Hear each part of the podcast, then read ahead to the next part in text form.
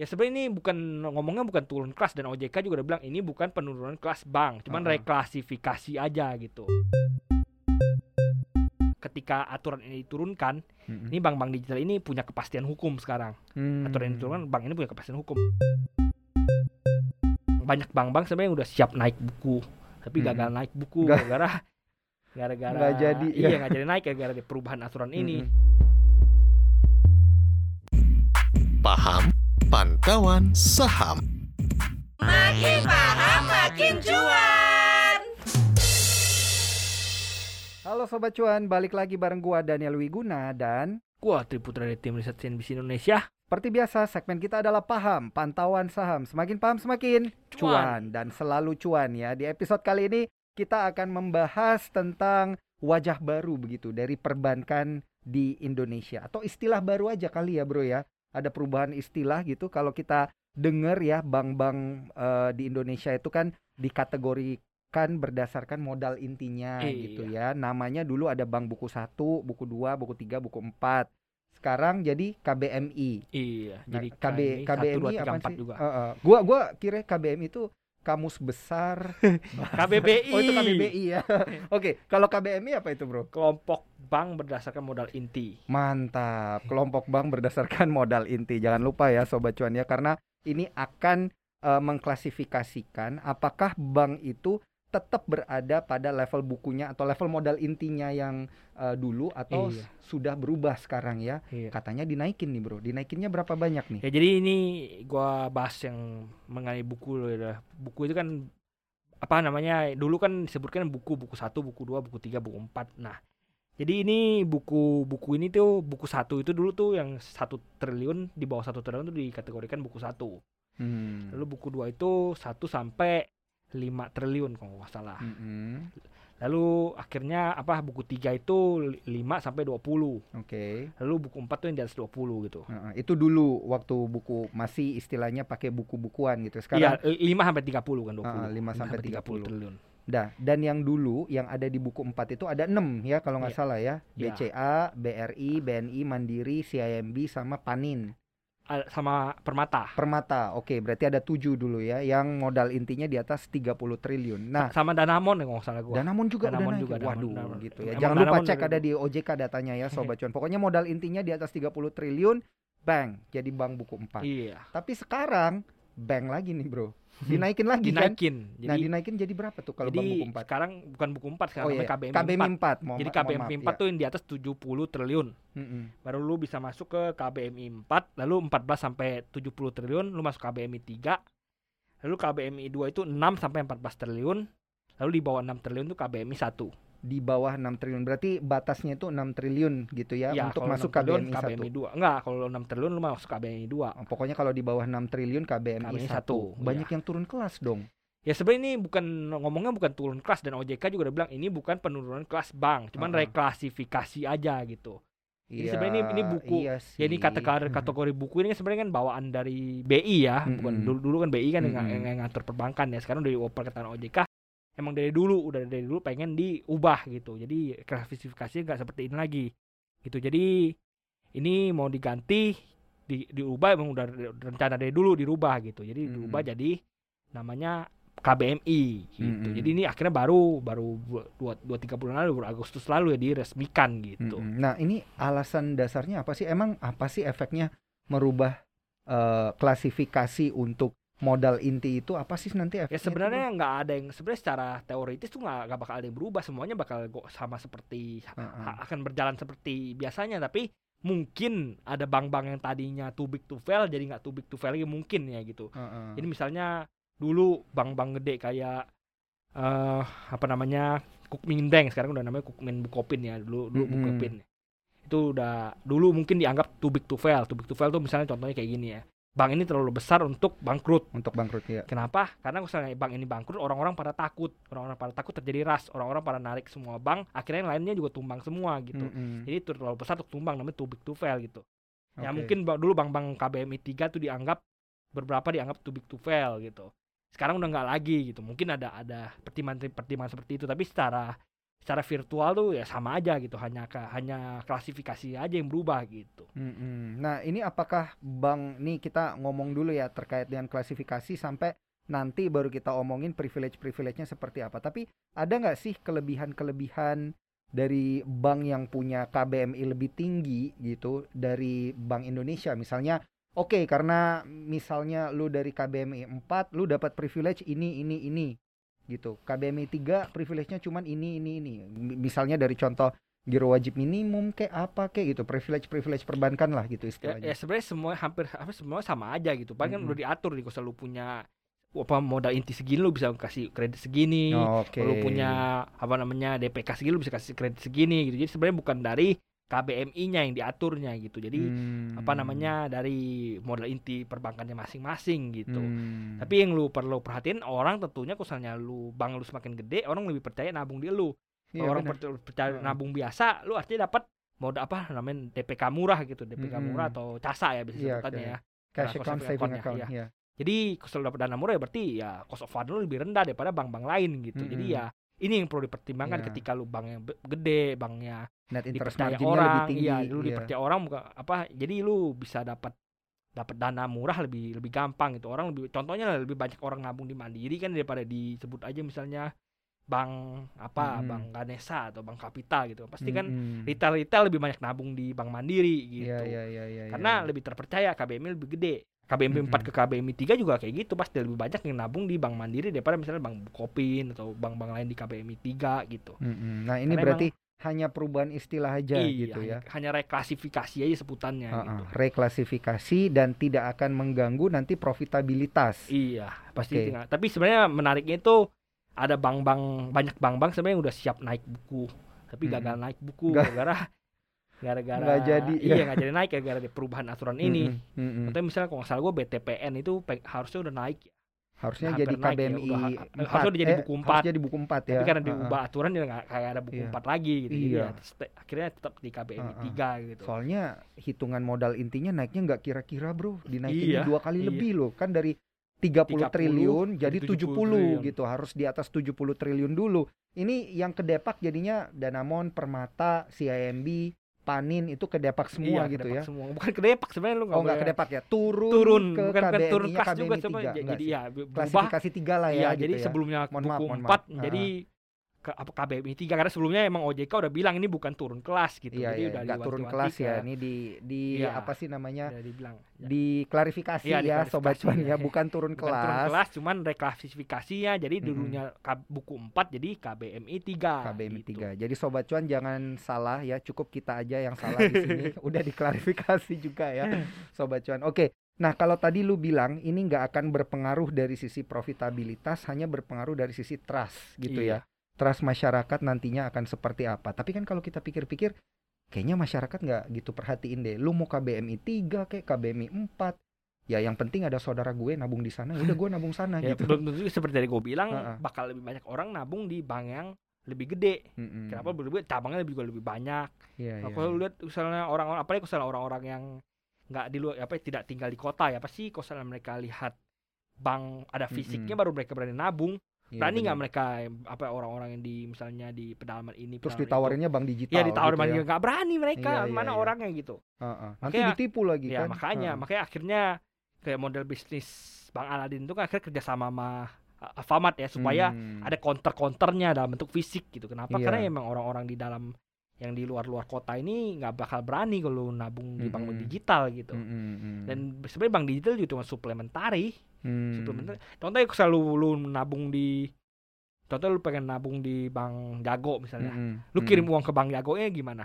Iya, Lu taruh lu nabung ya. di Bank Jagonya gimana? Harusnya kan pakai device ya, Iya. gitu. Ya, Tapi lu- nggak ada device-nya gitu. Enggak lu lu nabungnya gimana gitu. Naruh Heeh. naruh, naruh uangnya kan lu kirim Oh dari bank lain iya, yang lebih gede benar, gitu benar. biasanya kan rata-rata kan. benar. Transfer Iya lu gitu. transfer gitu. Heeh. Artinya lu udah punya bank lain nih. Iya, yang bank iya. digitalnya suplementary gitu. Ah, oke, bank utama lu bukan di sana gitu. Tapi apakah eh, reklasifikasi ini akan nanti menyusahkan bank-bank digital itu enggak juga kan? Karena mereka juga harus ngikutin aturan ini kan bank-bank digital itu. Ya sebenarnya ini kan aturannya dibikin aturannya satu paket ya keluarnya ya. KBMI 4 sama aturan tentang bank digital ini. Oke. Jadi sebenarnya ini ketika aturan ini diturunkan, Mm-mm. ini bank-bank digital ini punya kepastian hukum sekarang. Hmm. Aturan ini diturunkan, bank ini punya kepastian hukum. Jadi mereka kan sebelumnya kan apa misalnya lu punya kredit segini atau lu punya modal segini, lu harus punya berapa cabang, berapa cabang. Dulu tuh ada aturannya itu semua. Mm-mm. Sekarang tuh nggak usah, lu punya satu cabang gede aja udah cukup. Pusat kalau misalnya lu bank digital nggak usah perlu punya banyak cabang lain gitu. Jadi kalau mau ngomong profita, profitabilitas bank digital ya lebih tinggi karena apa, apa namanya, efisiensi. Efisiensi. Kalau ya. lihat misalnya bank-bank gede lain yang makan banyak duit ya apa? Karyawannya, Bro. Mm-mm. Terus brick and mortarnya, cabang-cabang Iya, iya, bank iya. yang lain itu kan banyak makan biaya. Betul. Misalnya lu ngomong bank digital efisiensi gitu, lebih enak gitu. Hmm, berarti nggak ngaruh lah ya yang kayak gini-gini nih reklasifikasi ini gitu ya Iya. sama bank-bank digital. Tapi akan ngaruh mungkin sama aturan modal intinya gitu. Bener nggak sih? Kan bank digital juga harus ada modal inti berapa gitu, Bro. Iya, bank digital biasanya modal intinya ter- tergantung dia ada kelompok kelompok usahanya nggak. Contoh misalnya dia ada kelompok usaha ya satu triliun di- udah bisa gitu. Mm-mm. Tapi biasanya di, diusahakan OJK tuh di atas 3 triliun memang. Semuanya udah Hmm. di atas 3 triliun walaupun lu punya kelompok usaha gitu. Contohnya makanya kemarin BBHI walaupun satu triliun sebenarnya udah cukup tapi akhirnya dia nambah lagi kan sampai 6 kan. Hmm, Salah oke, satunya oke, itu oke, gitu. oke, Lalu lu oke. kalau mau ngomong bank-bank mini lain juga sebenarnya kan lagi kejar-kejaran ya pengen Mhm. menuhin 3 triliun ini gitu. Mm-mm. Jadi ya itu apa perlu diperhatikan lah Mm-mm. siapa yang mungkin misalnya dia nggak punya bohir, siapa yang mau Iya. jadi bohirnya yang baru ya. Menarik untuk diperhatiin gitu. Tapi aneh nggak sih, Bro? Ini kan banyak sobat cuan yang sebenarnya nanya nih ya. Emang seurgen apa sih OJK ngeru mereklasifikasi Sebenarnya ini modal inti itu di tahun pandemi ini kok nggak dari Ya. kemarin-kemarin aja? ya sebenarnya ini udah gitu? rencana lama bro dan Nah, emang nah itu dia kenapa nggak dari sebelum pandemi? ya ini gitu? akhirnya dikeluarkannya bareng apa POJK yang bank digital ini POJK sebenarnya POB Hmm. sebutannya bukan POJK bank digital POJK bank umum yang mengatur bank digital gitu masalah gue Hmm. namanya itu ya akhirnya semua dirombak di situ satu keluar POJK sekalian ya gitu ya. ba- ba- banyak itu nggak cuma digital yang ngomong tentang KBMI bla bla bla bla bla ya sekarang juga sebenarnya lebih lebih enak liatnya gitu lo bisa Mm-mm. lihat oh ini memang bank memang benar-benar gede trusted gitu Iya, empat iya, biji iya, yang iya. trusted benar-benar gede Iya. yang too big to fail yang most likely nggak bakal bangkrut gitu Mm-mm. kalau bangkrut pasti di tackle, pemerintah. pemerintah gitu ya Heeh. satu ya jadi hasilnya nggak bakal kayak dulu dulu Heeh. ketika bank tumbang tumbang tumbang semua di bailout akhirnya kan Iya, jadi iya. BLBI akhirnya kan Iya, iya, atau iya. balau akhirnya juga. heeh. sekarang kan lebih enak kan dilihatnya oh kalau misalnya antara empat ini tumbang baru di bailout kalau misalnya tiga mungkin tiga tiga yang atas atas doang ya misalnya cuman CIN BN apa BNGA Ini berarti- BNLI cuman gitu-gitu doang yang ini berarti gitu. akan semakin ngarahin konsumen atau nasabah untuk nabungnya di bank-bank gede aja dong. ya emang sebenarnya ini dari dulu arah OJK tuh pengen mempersedikit bank dari dulu pengen sedikitin bank Oh, disempitin oke. gitu Jadi Bisa kalau ada ada ada orang yang punya duit banyak, punya ide mau bikin bank misalnya, iya. dia harus mikir-mikir lagi gitu iya ya. jadi memang oh, sekarang Nggak asal bikin bank. lu lu kalau mau ngambil izin banknya sekarang udah nggak udah sangat sulit sulit sulit Mm-mm, sekali lu udah mm-mm. lu punya duit juga susah makanya gitu. akhirnya banyak banyak bos-bos yang beli bank kecil kan Hmm, Demi daripada lu izinnya, bikin iya, iya daripada lu bikin baru susah mending, lama nggak heeh. jelas Iya, mending lu iya. beli yang udah jadi. yang udah jadi lah, mahal dikit satu setengah kali ekuitas kan Heeh. ya artinya lu beli premium Apalagi yang udah jadi emiten gitu ya, Bro ya. ya, Nah, lu, sekalian. berarti lu beli lu beli premiumnya kan premiumnya cuma 0,5 kali buku kan berarti lu Heeh. beli izinnya doang Iya, gitu iya, iya, iya. jadi ya memang yang terjadi kayak gitu gitu apa namanya apa OJK emang dari dulu pengen sedikitin makanya salah Mm-mm. di mergerin lah diapain lah gitu dan, dan Iya, emang iya, sekarang iya, tuh li- liatnya lebih enak gitu Heeh, yang benar. buku Lebih yang mudah bank-bank gede ya. gitu dan emang bank-bank gede ini juga sekarang sebenarnya lagi menarik bro Hmm. kalau lihat tuh Kenapa tuh? semuanya ada sentimen-sentimennya masing-masing Iya, iya, iya, iya. contohnya iya. paling apa paling apa gede sentimennya? BBCA kan Heeh, baru stock split heeh, sahamnya terbang tembus seribu triliun heeh, gitu jadi ada sentimen aksi korporasi stock split heeh, yang kedua paling besar BBRI kan kemarin juga baru Heeh. RI kan heeh.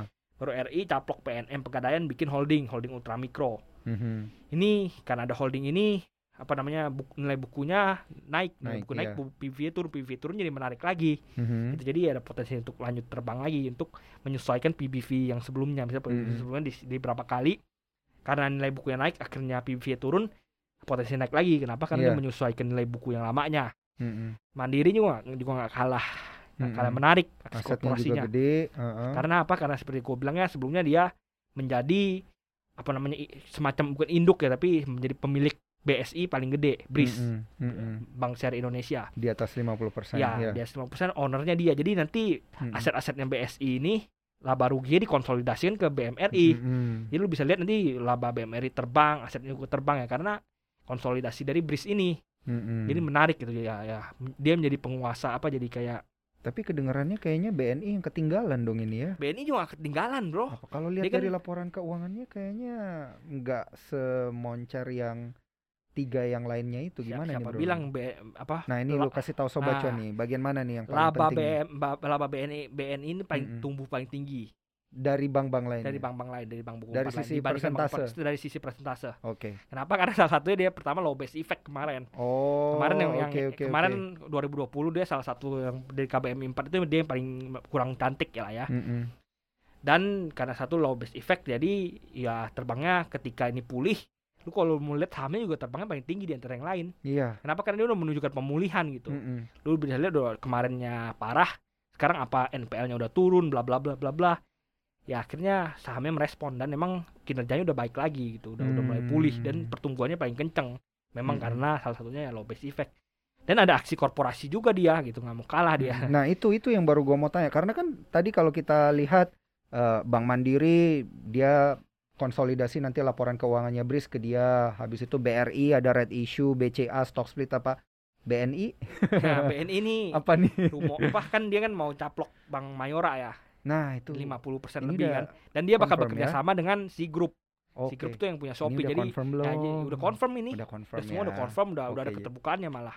Soalnya Jadi ini- kemarin banyak yang kecelek tuh katanya si grup mau caplok bank apa Ya, akhirnya nggak jadi gitu kan Ya, akhirnya mereka kerjasama sama BNI. Hmm. Jadi ownershipnya nanti BNI mayoritas, ada si grup di dalam lumayan gede, lalu ada Mayora juga di dalam Mayora Group. mantap Dan mereka ini bakal ngembangin nggak cuma apa mengembangin bank digital buat global. Mm-mm. Dan soalnya ya ini yang menarik lagi ya. Mm-mm. Ini pemerintah tuh udah siapin sebenarnya ini dari tiga bank raksasa ini, tiga tiga negeri ini BUMN apa ini. nih BRI Ini BNI udah Mandiri udah ya ada apa udah tuh ada segmennya masing-masing.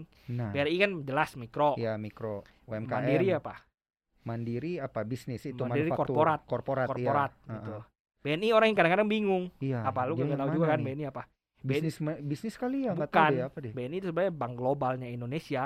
Jadi yang- yang di luar apa, oke Lu kalau lihat cabang-cabang BNI di luar negeri itu paling banyak dibandingkan dengan BRI dan Mandiri. nah ini yang belum diperhatiin sama Iya, sobat cuan emang ya, dari dulu tuh nyadar. ini ya Heeh. nggak nyadar emang dari dulu tuh diplotting sama Pak Erik sama emang dari dulu dari plotting dari BUMN adalah bank BNI itu global gitu. Mm-mm. Bank untuk bisnis global gitu. Jadi punya cabang di luar negeri banyak bla bla bla gitu. Jadi emang market ke sana dan, dan nantinya dengan bank digital kerjasama dengan si grup ini ya kita kan tahu si grup kan pemain internasional ya main di Singapura base-nya gitu ya dengan ini lebih lebih lebih jago lagi berarti segmentasinya BNI ini terutama dengan bank digitalnya gitu Oh, oke oke oke oke. Berarti jadi bank global akan membuka cabang lebih banyak gitu ya untuk BNI. ya dengan ada bank digital ini nggak perlu buka cabang lebih banyak lagi bro Tapi jadi bank digital ini kan kalau di dalam negeri kan udah banyak. Ini bank digital untuk luar negeri berarti. ya bank digital karena dia segmentasinya BNI ini bank bisnis global gitu jadi Ha-ha. bisa di, bisa mungkin bisa dipakai buat transaksi di luar negeri atau gimana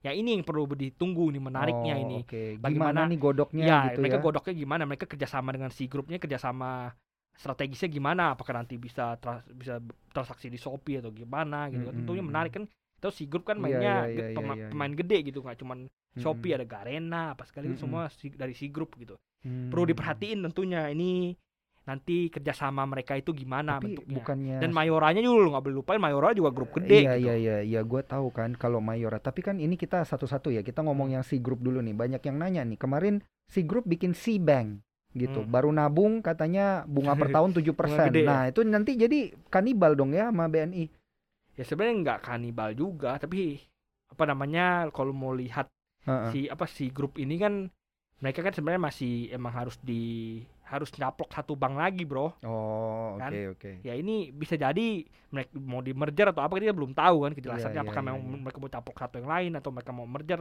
supaya si grup ini kan ya emang aturan perbankan tuh gue jelasin dulu aturan perbankan tuh kalau lu pengen nguasain 8 mayoritas ya misalnya 80% 90% saham perbankan Mm-mm. OJK tuh mewajibkan lu harus caplok satu bank lagi dan di merger oke gitu itu kenapa tuh? aturan OJK aturan OJK oke Gitu. Apa Eh, untuk safety-nya? enggak atau supaya bank-bank makin dikit. Oke. Dia bilang ini ditekan biar bank-bank makin Ya, ya dikit. gitu. tujuannya tadi kayak gitu ya. Iya, emang supaya dari dulu bank pengen itu bank makin makin dikit. Heeh. Ya, sekarang kan ini si grup ini kan menguasai 80 apa 90 persennya BKE ya. Sekarang udah Mhm. diganti nama jadi si bank ya. Iya. Nah ini perlu diperhatikan ini dia mau selanjutnya mau ngapain gitu. Mm-mm. Mau caplok bank lain kah? Tapi rumor-rumornya kagak jadi dengan yang lain-lain kan. Iya. Ya bisa jadi dia bikin kerjasama strategis dengan BNI kan why not gitu. Mm-mm. Bisa juga kayak gitu tapi kita belum tahu tentunya nextnya bagaimana next stepnya apa gitu. Hmm, ini masih harus ditunggu lagi ya khusus untuk BNI aja nih ya. BNI Nah, dan BKE si Nah. grup ini. terus ada Mayora tadi, ada Bank Mayora tuh. Itu gimana nih ceritanya nih? Apakah dia dipanggil memang karena kinerja fundamental atau punya apa ya misalnya kayak hal-hal yang menarik gitu bawaannya Bank Mayora kekuatan perbankannya sendiri ada di mana karena dia retail atau apa ini kenapa Enggak, sebenarnya akhirnya? Mayora itu kan gua bilang sebelumnya kalau lu pengen bikin bank digital, Mm-mm. paling enak cari bank yang kagak jelas, Hmm. yang cabangnya cuma satu, dua, tiga, sepuluh cabang doang gitu. Jadi Mm-mm. gampang dirombak jadi digital, digitalisasi Oh, mudah. Oke oke oke. Nggak oke, perlu oke. tutup tahu cabang gitu. Iya, tapi udah ada izinnya gitu ya. iya, yang penting udah ada izin perbankannya aja nanti diubah jadi perbankan digital gitu. Hmm. Makanya waktu itu Bang Arto dicaplok Artos ya dulu. Namanya kan Iya. bank lokal ya itu, bank bank Mm-mm. daerah cuman Bandung doang gitu. Mm-mm. Ya gampang dirubahnya gitu. Bang Hmm. ada juga cabangnya berapa sih nggak banyak gitu. Mm-mm. Gampang dirubahnya. Oh. Nah, sekarang oke, Bang oke. Mayo juga sebenarnya nggak gitu nggak gitu besar. Modal intinya cuma satu triliunan. Mm-mm. Dari dari kacamatanya Mayora Group juga sebenarnya enak gitu untuk ditransformasi apa? Lu lu ini Mayora Group memang grup yang gede. Kalau mereka mau injek 1 2 triliun pasti mampu lah ya. Mm-mm. Tapi buat apa? Lu keluarin Hmm. duit 2 triliun, ROE-nya lu turun nanti ROI semuanya turun. Mm-mm. Pro, apa nah, rasio-rasio profitabilitas lu turun. Kenapa karena lu injek dana gede? Mhm. Mending gua ekspansi bisnis retail gua atau apa kayak gitu. Hmm. Ya, nggak nggak profitable gitu. Mereka Iya, kan paling iya. bikin Bank Mayora buat digunain sendiri ya biasanya. Dulu kan kayak gitu sistemnya di sebelum- buat karyawan sendiri, Iya, iya, gaji sebelum- karyawan lewat bank sana ya gitu sebelum ya. 98 kan banyak bos-bos yang memang buka-buka bank kan buat pakai sendiri gitu istilahnya kan. Hmm. Buat funding sendiri ini gitu. Ya jadi kalau mau lihat ya sebenarnya mereka kan ya cuman ada doang gitu. Mm-mm. Presence-nya nggak kerasa di kita. Lu ada nabung nggak sih Bank Mayora? nggak ada kan. Mm-mm. Bahkan mungkin sobat cuan kagak tahu sebelumnya ada namanya Bank Mayora gitu. Mm-mm. Taunya produknya doang. Iya, tahunya produknya Kopiko Mm. doang gitu kan. Mm-mm. Nah, ngomong kopi lagi nih. Kopi Oke, dulu. oke. Udah, udah Oke. mancing lu ya. Gua paham, gua paham nih ya, Bro ya. Jadi memang ada maksud tersendiri ya dari OJK dan tujuannya itu baik ya untuk iya, kemudian supaya diringkaskan Bang. untuk kita nggak terlalu banyak gitu Ha-ha. karena memang kita negara salah satu negara dengan bank terpaling banyak di dunia gitu Mm-mm. Nah, tapi kalau ada bank yang misal nih modal intinya kagak naik-naik nih. Itu diapain tuh sama OJK? Apakah harus ditutup, harus merger, harus apa? nah ini sebelum gua ke sana gua coba lanjutin di Mayora bentar Iya, sebenarnya iya. ini da- dari Mayora Oh, tuh banyak yang menarik nih Mayora. ya Mayora ini sebenarnya dari dari kacamata Mayora juga untung Mm-mm. mereka kan nggak perlu nginjek dana betul. daripada mereka nginjek dana satu setengah triliun dua triliun Iya, ya dengan udah merger cari itu orang lain langsung. iya Ha-ha. mereka cari cari cari investor kan ya dapat Mayora dapat partner strategis BNI Mm-mm. ya udah Mm-mm. gede dapat partner lagi si grup ya udah mereka pasti udah apa seneng gitu Iya, iya, iya. nggak mungkin nggak mungkin sedih gitu Heeh. walaupun pasti kepemilikan mereka turun tadinya 90 100 persen Iya, ha-ha. turun Nggak jadi masalah, 20, nggak perlu apa-apa dana gitu. lagi gitu karena kan. ya karena kue lu makin gede gitu Heeh. walaupun lu contohnya sebelumnya lu menguasai 100% kue Mm-mm. tapi kue lu kecil ukurannya cuma 30 kali 30 cm sekarang lu menguasai 25% kue tapi ukuran kue lu 200 Semakin ke gede. 200 cm ya kan lebih Heeh. untung kue gede kan Iya. walaupun persennya kecil gitu jadi Hmm. itu semuanya win-win gitu BNI Mm-mm. win bisa bikin bank digital si grup win gini Mm-mm. mau lihat si grup eh, apa langkah selanjutnya gimana Mayora juga win gitu Mm-mm. nah kalau lu mau ngomong nah ini opsi lainnya misalnya si Mayora kagak nambahin modalnya ya yang terjadi apa Mm-mm. misalnya dia pengen tetap satu tre satu triliun akhirnya turun bro jadi BPD dia Waduh. Iya, jadi bank perkreditan daerah gitu. Iya, Statusnya iya. turun. Nah, BPD ini terbatas izinnya nggak susah. Memang bisa masih bisa himpun dari masyarakat, tapi terbatas ini itunya gitu. Hmm. Jadi ya dan kalau BPD ini nggak boleh dipegang sama asing, harus dipegang lokal semua. Berarti kalau ada asing yang mau beli nggak bisa ya, gitu? iya, bukan emang emang ya emang nggak boleh gitu. Oh. Nggak boleh ada asing meng- menguasai saham BPD. Dan ini menarik lagi gue saham yang listing di Heeh.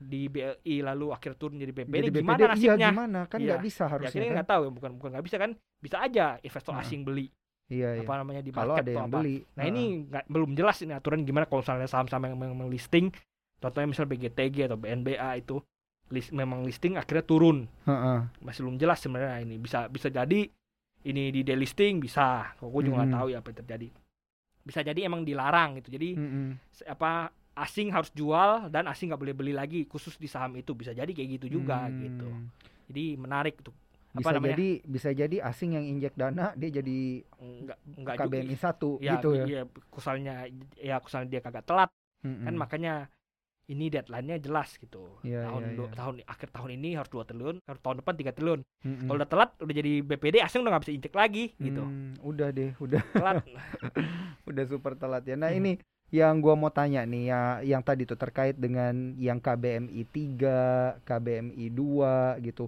Perlu nggak sih mereka itu naik kelas gitu, naikin modal inti mereka? Karena kan sepertinya more likely nanti kalau empat bank raksasa ini modal intinya udah naik gitu ya. Misalnya udah di atas 100 triliun, ada kemungkinan OJK naikin Hmm, enggak Ni- juga nilai itu. modal inti Nggak- nggak juga. lagi dong. Ini Heeh. alasan ojek kenaikan seperti yang gue bilang kan ini karena mereka pengen rubah warisan dari BI Hmm. gitu. Ini buku ini kan warisan dari BI, mereka pengen rubah aja. Jadi most likely untuk beberapa puluh tahun, 10 20 tahun ke depan mungkin nggak bakal diganti lagi gitu, bakal Mm-mm. stay seperti ini. Nah, masalah Bang buku satu yang pengen naikin kedua sebenarnya ada ada urgensi juga sebenarnya untuk mereka Mm-mm. naikin supaya supaya jangan di kelas paling bawah lagi gitu. Iya, Contohnya iya, Bang iya. Hada kan bela-belain naik sampai 6 triliun. Kenapa nggak Mm-mm. naik cuma 5 doang atau 4 doang? Mm-mm. Kenapa harus 6 ya? Supaya naik jadi bank buku 2, apa jadi KBMI 2 gitu. Iya, iya, dari iya. KBMI 1. Jadi ya memang ada urgensi juga biar biar apa namanya? Ada prestisnya lah tentunya daripada lu, lu KBMI 1 dibanding KBMI 2 kan Mm-mm. lebih oke KBMI 2 gitu. Jadi ada prestisnya juga Dan gitu. bisa Pasti- lebih dipercaya pasti banyak gitu yang ya. banyak yang lomba-lomba juga kejar target 6 triliun ini gitu. Oke oke oke. Ini ibarat ini ya kalau manusia itu ya kayak S1, S2, S3 gitu ya bro ya kayaknya ya. Kalau dari klasifikasi nilai modal inti ini namanya sekarang KBMI ya. Nah di lima menit terakhir ini bro, kayaknya udah empat menit terakhir nih. Nah Udah 3 menit terakhir, Oh, Bro. tiga menit terakhir, oke. Gua mau tanya nih untuk rekomendasi perbankan nih, seperti biasa kan kita ngomongnya pantauan saham nih, berarti lu harus kasih tahu nih eh, terkait dengan perbankan ini dengan adanya perubahan per- perubahan klasifikasi emiten-emiten mana sih sebenarnya nih yang bakal menarik? Apakah tetap nih rekomendasinya yang gede-gede aja atau gimana? Ya sebenarnya kalau mau ngomong perubahannya ini yang gede-gede pasti memang masih masih menarik. Jadi Seperti ini ya bilang, primadona ya. Iya masih masih Heeh. primadona pasti seperti tadi gue bilang terutama ya BBRI dan BMRI karena masih banyak yang bisa dipantau dari dua ini. BSI itu masih masih lanjut usahanya, Mm-mm. masih apa ma- masih bakal kembang terus. Mau ngomong kanun Aceh dan lain-lain itu masih banyak sekali Mm-mm. perkembangan yang bisa dilakukan oleh BSI ini. Tentunya BMRI yang paling diuntungkan.